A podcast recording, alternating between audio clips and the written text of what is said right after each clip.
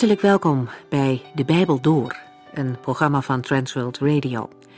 De Bijbel Door is een radioserie die u in vijf jaar meeneemt door de hele Bijbel. Van Genesis 1 tot Openbaring 22.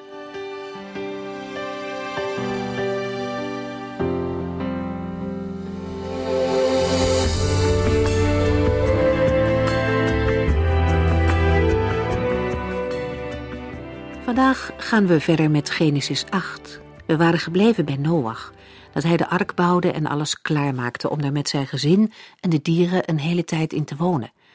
De ark was niet een boot die zelfstandig kon varen, er zat bijvoorbeeld geen roer en geen mast op. Noach was dus volkomen afhankelijk van God om de zondvloed te overleven. De dieren kwamen vanzelf naar de ark toe.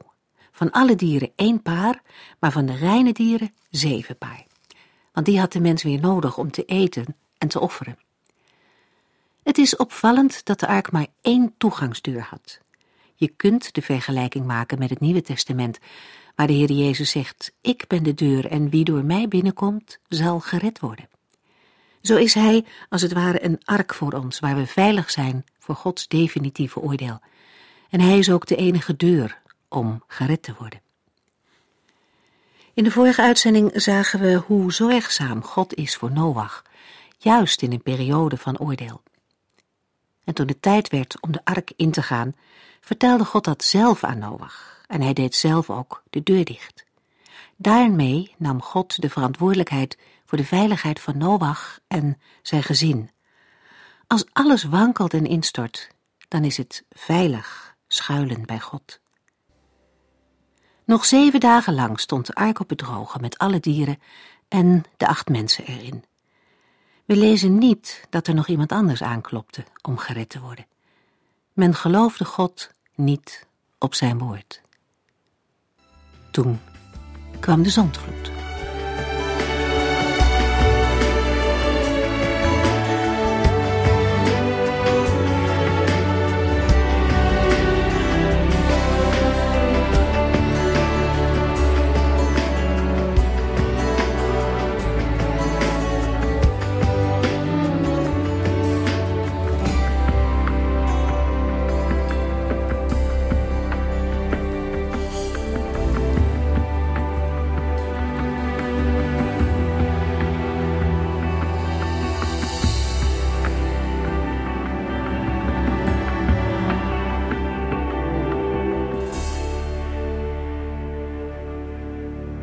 Ark drijft op het water. Noach, zijn gezin en alle dieren zijn veilig. Het resultaat van de zondvloed is weergegeven in Genesis 7. En alle levende wezens op aarde verdronken. Alles wat ademde en op het land leefde. God vernietigde alles, uitgezonderd Noach en zijn familie die in de ark waren. Vers 21 tot en met 23. De zondvloed duurt 150 dagen, inclusief de 40 dagen van Genesis 7, vers 17. Best een lange tijd. Bemoedigend dat Genesis 8 begint met: Maar God had Noach en de dieren in de ark niet vergeten. Hij stuurde de wind over het water en langzaam begon het water te zakken. De ondergrondse wateren keerden weer terug naar hun normale loop en het hield op met regenen. Het water zakte na 150 dagen weg en op de zeventiende dag van de zevende maand liep de ark op de toppen van het Araratgebergte vast. Vers 1 tot en met 4. We hebben niet alleen een verslag gekregen van het stijgen van het water, maar nu ook hoe het verder ging. Het water zakt. God deed dat gebeuren. Genesis 8 begint met te vertellen dat God Noach niet is vergeten. Hij deed de wind opsteken over het water en het water begon te zakken. Het water steeg boven de toppen van de bergen in 150 dagen en het zakken van het water duurt langer, 261 dagen. We moeten aannemen dat de regen al na 40 van de 150 dagen ophield. Daarna trad het proces van daling in.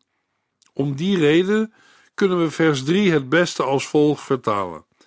Het water was gezakt aan het eind van de 150 dagen. De ark komt tot rust.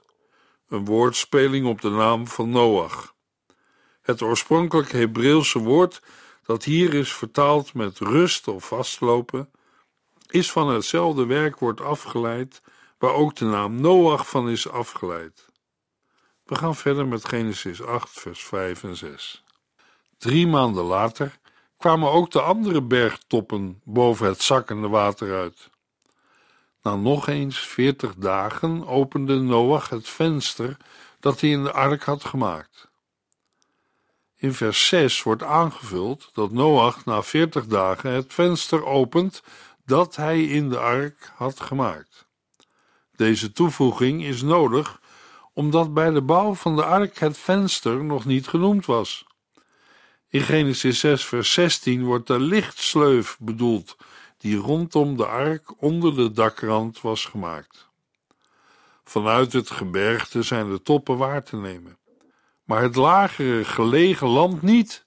Let op wat Noach na het openen van het venster gaat doen. Genesis 8, vers 7 en 8. Hij liet een raaf los. Deze vloog heen en weer net zolang tot de aarde weer droog was. Daarna liet Noach een duif los om te kijken of de aarde al droog was. Maar de duif vond nergens een plek om neer te strijken en vloog terug naar de ark. In de oudheid namen zeelieden wel vogels mee in hun schepen. Daarmee vonden ze de richting naar het vasteland. Dat is in deze geschiedenis niet aan de orde, maar wel interessant om te weten. Noach laat twee vogels wegvliegen, een raaf en duif. De raaf is een onrein dier. Bij de bespreking van de Bijbelboeken Leviticus en Deuteronomium gaan we er dieper op in. De raaf gaat steeds heen en weer en kan dus ook weer even naar de ark terugkeren om daarna weer weg te vliegen. Dit gebeurt totdat de aarde droog valt. Voor de raaf als roofvogel is er blijkbaar wel aas te vinden. Na de raaf volgt de duif. De duif is een rein dier. Noach laat de duif gaan om te zien of de akkerbodem al droog is. Maar het dier vindt geen rustplaats en keert weer terug naar de ark. Vers 9 tot en met 10 van Genesis 8. Maar de duif vond nergens een plek om neer te strijken en vloog terug naar de ark. Het water stond nog te hoog. Noach stak zijn hand uit en zette de duif weer terug in de ark. Een week later probeerde Noach het nog eens. Genesis 8, vers 11 en 12. De duif vloog weg om tegen de avond terug te keren met een olijfblad in haar snavel. Zo wist Noach dat het water bijna weg was. Na een week liet hij de duif nog een keer los en nu kwam ze niet meer terug. Het verslag van de raaf en de duif in Genesis 8 verbeelde een geestelijke waarheid die ik u niet wil onthouden. Toen Noach meer dan een jaar in de ark had doorgebracht, liet hij een raaf vliegen. De raaf vloog heen en weer totdat de aarde droog was, en toen kwam de raaf niet meer terug. De duif bleef terugkomen en bracht zelfs in zijn bekje een olijfblad mee. De duif en een olijftak, in plaats van een blad, zijn altijd een symbool van vrede en vriendschap geweest. De grond daarvoor is onzeker, maar mogelijk verbonden met de duif uit de geschiedenis van Noach. Hoe wij de tweede terugkeer van de duif moeten duiden en wat daar precies de boodschap is, dat weet ik niet. Maar toen de duif niet meer terugkeerde, was het een teken dat het oordeel voorbij was. De vrede was weer teruggekeerd op de aarde. Zeker, de man die uit de ark kwam, was van hetzelfde soort als de zonen van Adam, zondige mensen die met hun levenswandel de zonvloed als oordeel van God over zich hadden afgeroepen. Was er na de zonvloed op dat punt nu veel veranderd? Helemaal niet. Na de zonvloed is er geen verbetering in de mensheid opgetreden. Juist daarin zit een diepe geestelijke les. Het zou jammer zijn als u die les moest missen. Noach werd in de ark een vogelaar. Hij gaat let op het gedrag van twee vogels.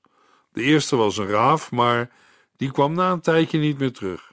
En waarom niet? Een raaf voedt zich met kadavers. Het is voor te stellen dat er na de zondvloed van alles rond de ark dreef, ook dode dieren. Voor een raaf was er genoeg te eten. In het voorgaande vertelde ik u al dat een raaf hoort bij de onreine dieren. De duif is een rein dier en dat lezen we ook regelmatig in andere Bijbelboeken. We hebben in vorige uitzending ook gezien dat Noach zowel reine als onreine dieren in de ark moest meenemen. Toen Noach voor de tweede keer de duif liet vliegen, liet de duif zien dat het land weer bijna droog was. De derde keer kwam de duif niet meer terug en begreep Noach dat het water van de vloed was verdwenen. Ik heb in een van de eerste uitzendingen al verteld dat alle grote waarheden in de Bijbel al in Genesis voorkomen. De Bijbel laat zien dat gelovigen twee naturen hebben: een oude en een nieuwe natuur. De Heer Jezus zegt erover in Johannes 3, vers 6: Uit mensen komt menselijk leven voort, maar uit de geest van God komt geestelijk leven voort. Aan de Romeinen schrijft Paulus in hoofdstuk 7, vers 18: Ik weet dat ik door en door slecht ben, tenminste wat mijn oude natuur betreft. Ik kan het goede niet doen. Ik wil het wel, maar ik kan het niet. Paulus spreekt van een inwendige tweestrijd tussen de oude en de nieuwe natuur. Ook vandaag is er in het leven van een gelovige een strijd tussen beide naturen. De raaf vliegt een veroordeelde wereld in. Hij vindt er een overvloed aan voedsel, dode karkassen. Maar daar leeft hij van.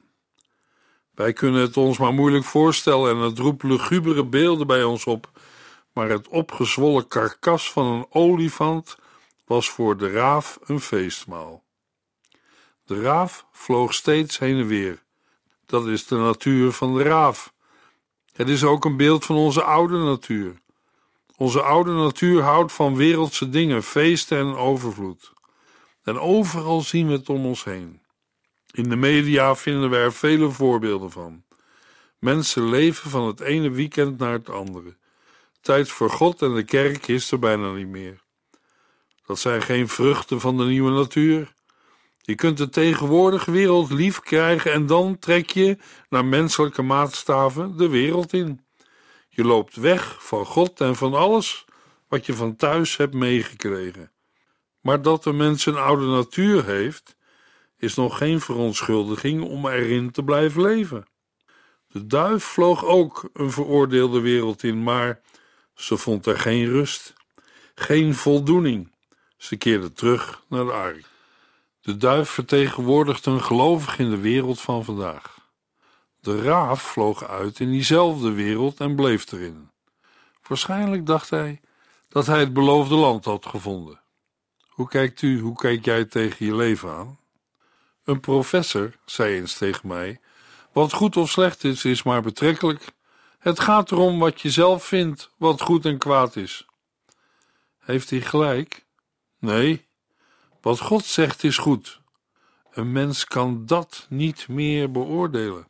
Vooral niet als hij of zij van nature alles goed en mooi vindt. Als God zegt dat iets slecht is, dan is het slecht. In 1 Johannes 2, vers 15 lezen we: Houd niet van de zondige wereld en van wat die te bieden heeft, want als u van de wereld houdt, blijkt eruit dat u de liefde van de Vader hebt afgewezen. Wij leven in een veroordeelde wereld. Voor gelovigen geldt: wij leven wel in die wereld, maar wij zijn niet van die wereld. En het woordje wereld staat voor alles wat de mens kan wegtrekken bij God. Wij moeten de wereld niet lief hebben, maar worstelen tegen de verleidingen van de wereld. Wat moeten wij dan met deze wereld? De Heer Jezus zei: Trek de wereld in en vertel aan de hele schepping het goede nieuws over mij. Marcus 16, vers 15 en 16. Laten wij het werk dat de Heer ons te doen heeft gegeven goed doen. Ga daarbij uit van het woord van God. Uw woord is een stralend licht dat mij de weg door het leven wijst. Psalm 119, vers 105. Terug naar de geschiedenis van Noach. De duif herkende in wat voor soort wereld ze was. Ze vond er geen rust. De rust was alleen te vinden in de ark. Voor ons wijst de ark van Noach naar de Heer Jezus Christus. Luisteraar, mag ik u naar aanleiding van de raaf en de duif uit de geschiedenis van Noach een persoonlijke vraag stellen? Welke vogel bent u? Ben jij? Ben je een raaf of een duif? Wanneer u een gelovige bent en de Heer Jezus kent, dan wil ik u vragen welke natuur overheerst bij u, de oude of de nieuwe.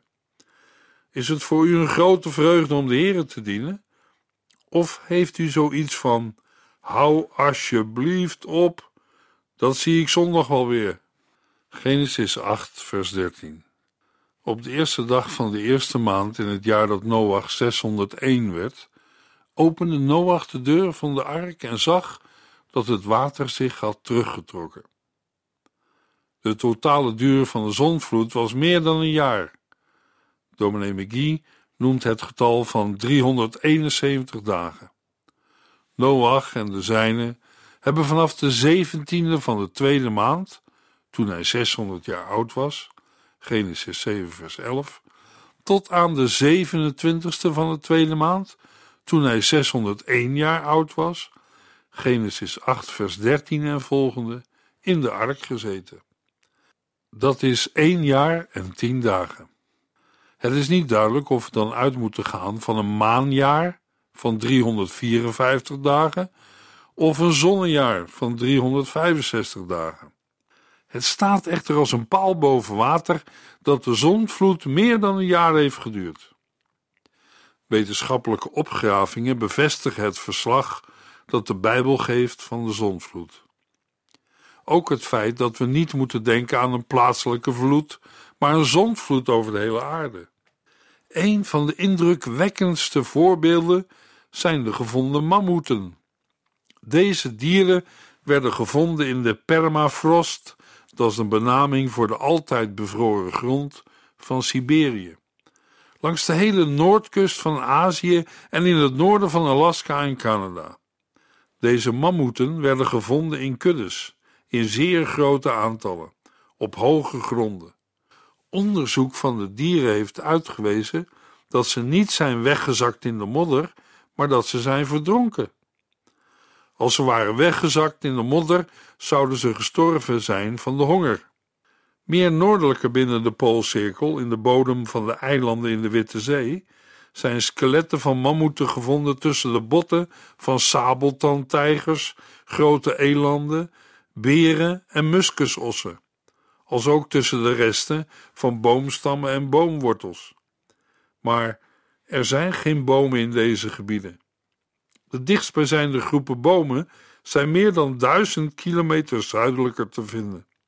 Drie maanden per jaar groeit er in hetzelfde gebied een schaarse vegetatie. Dat is al te weinig voor één mammoet. 100 vierkante kilometer begroeiing is nauwelijks genoeg om één mammoet één maand in leven te houden. Het voedsel dat in hun maag is gevonden waren onder andere pijnbomen en meidoorntakken. Een plotselinge ramp is hen overkomen.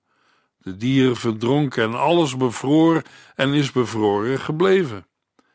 Er zijn bij de opgegraven dieren geen tekenen van ontbinding gevonden. Het is bekend dat het ivoor van de mammoeten meer dan duizend jaar verhandeld is aan de Londense pakhuizen.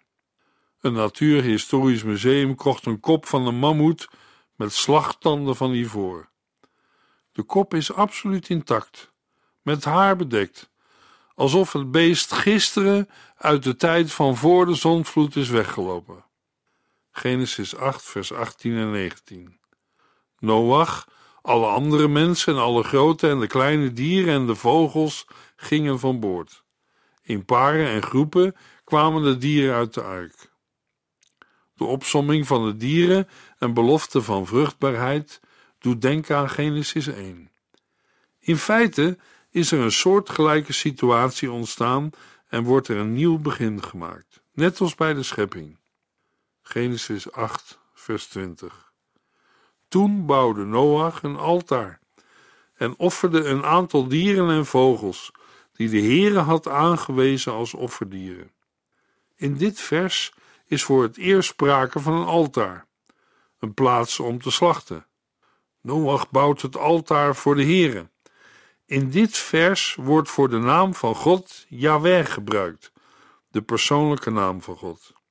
Het werkwoord bouwen doet vermoeden dat er ongehouwen stenen zijn gebruikt. En Noach offert reine dieren. Hij brengt een brandoffer. Het geeft aan dat de dieren geheel verbrand worden. Mensen eten er niet van. We zien dat ook in Leviticus 1.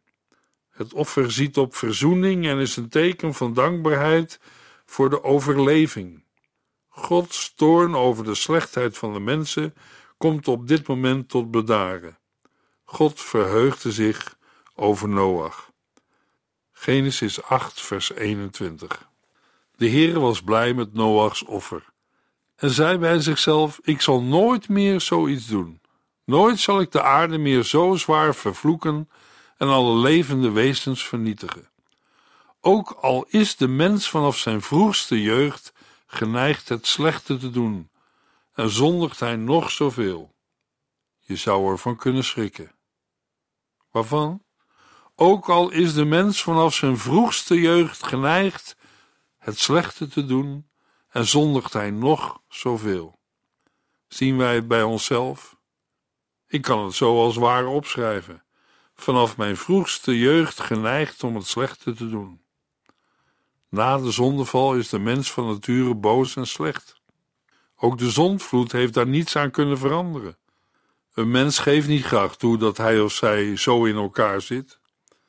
Het kwaad komt niet van buitenaf, maar van binnenuit.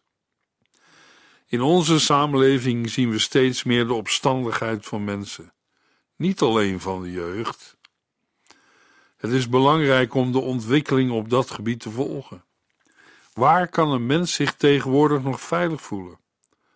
Alles wat opkomt in en vanuit het hart van mensen is boos en verkeerd. Het is in de Bijbel te lezen. En als het mensenhart niet verandert, zal er geen verbetering komen. Wij kennen toch allemaal de situaties waarin mensen elkaar met verschrikkelijke woorden afbranden, kwetsen en uitschelden. Ik bezocht kort geleden een ziekenhuis. Het gordijn rondom het bed van de naastgelegen patiënt was dichtgetrokken. De mensen die spraken kon ik niet zien, maar er was een flinke ruzie aan de gang. Het begon rustig en werd steeds heftiger, totdat de meest goddeloze woorden door de kamer vlogen. Geen van de betrokkenen dacht er nog aan dat het bezoekuur was en er ook nog andere patiënten op de zaal lagen.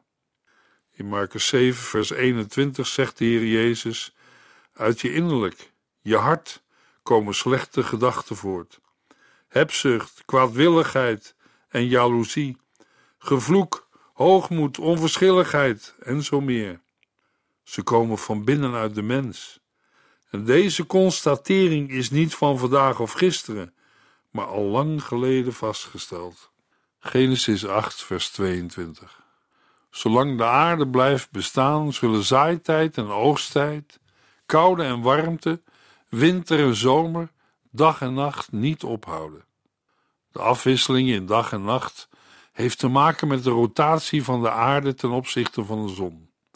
De afwisseling in seizoenen heeft te maken met de stand van de aardas. Verondersteld wordt dat die stand vanwege kosmische veranderingen na de zonvloed anders is geworden dan daarvoor. Gods barmhartigheid en genade komt in dit vers naar voren. Van de mensheid wordt niet veel positiefs gezegd, maar God gaat desondanks door met deze mensheid. God belooft zaaitijd en oogsttijd, koude en warmte, winter en zomer, dag en nacht. Ze zullen elkaar blijven afwisselen.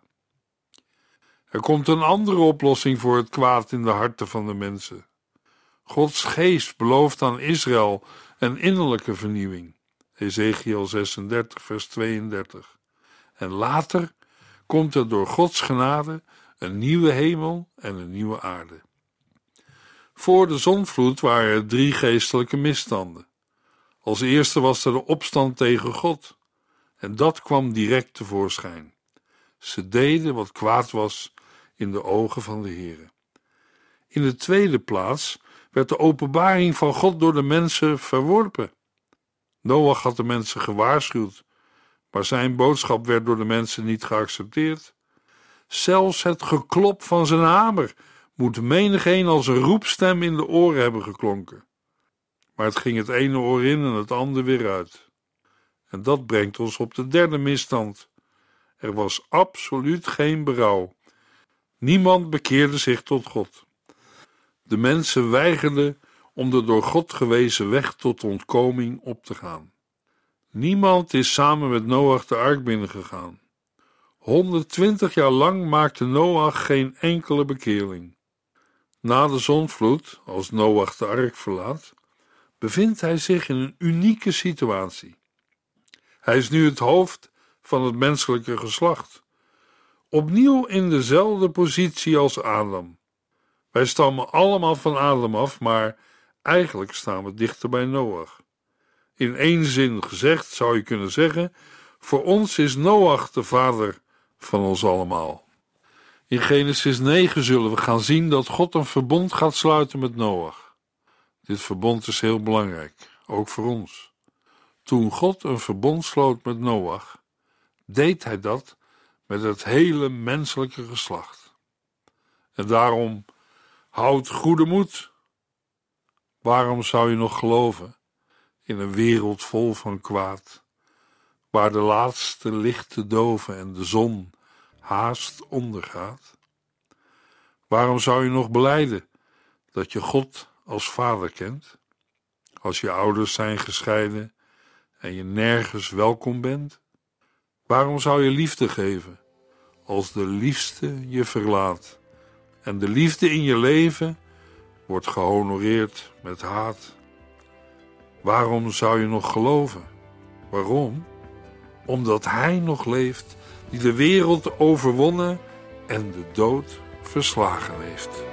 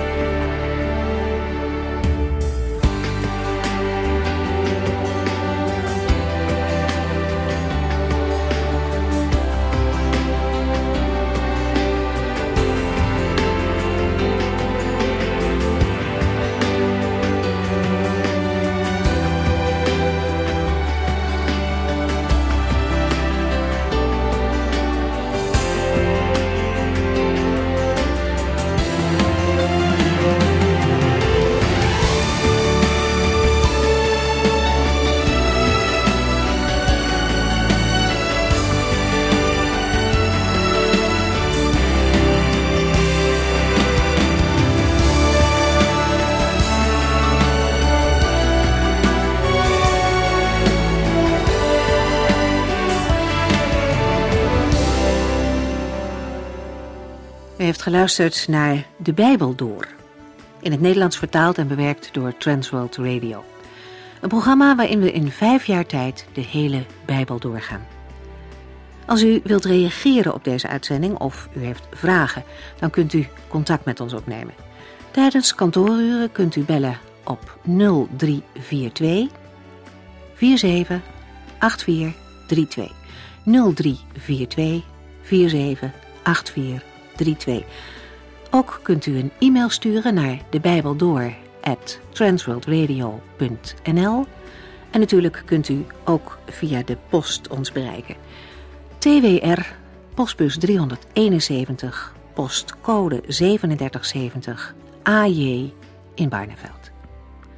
Dit programma werd gepresenteerd door Cor Weda en Ike André. Techniek was in handen van Odin van Woerdekom. En wij allemaal bedanken u voor het luisteren.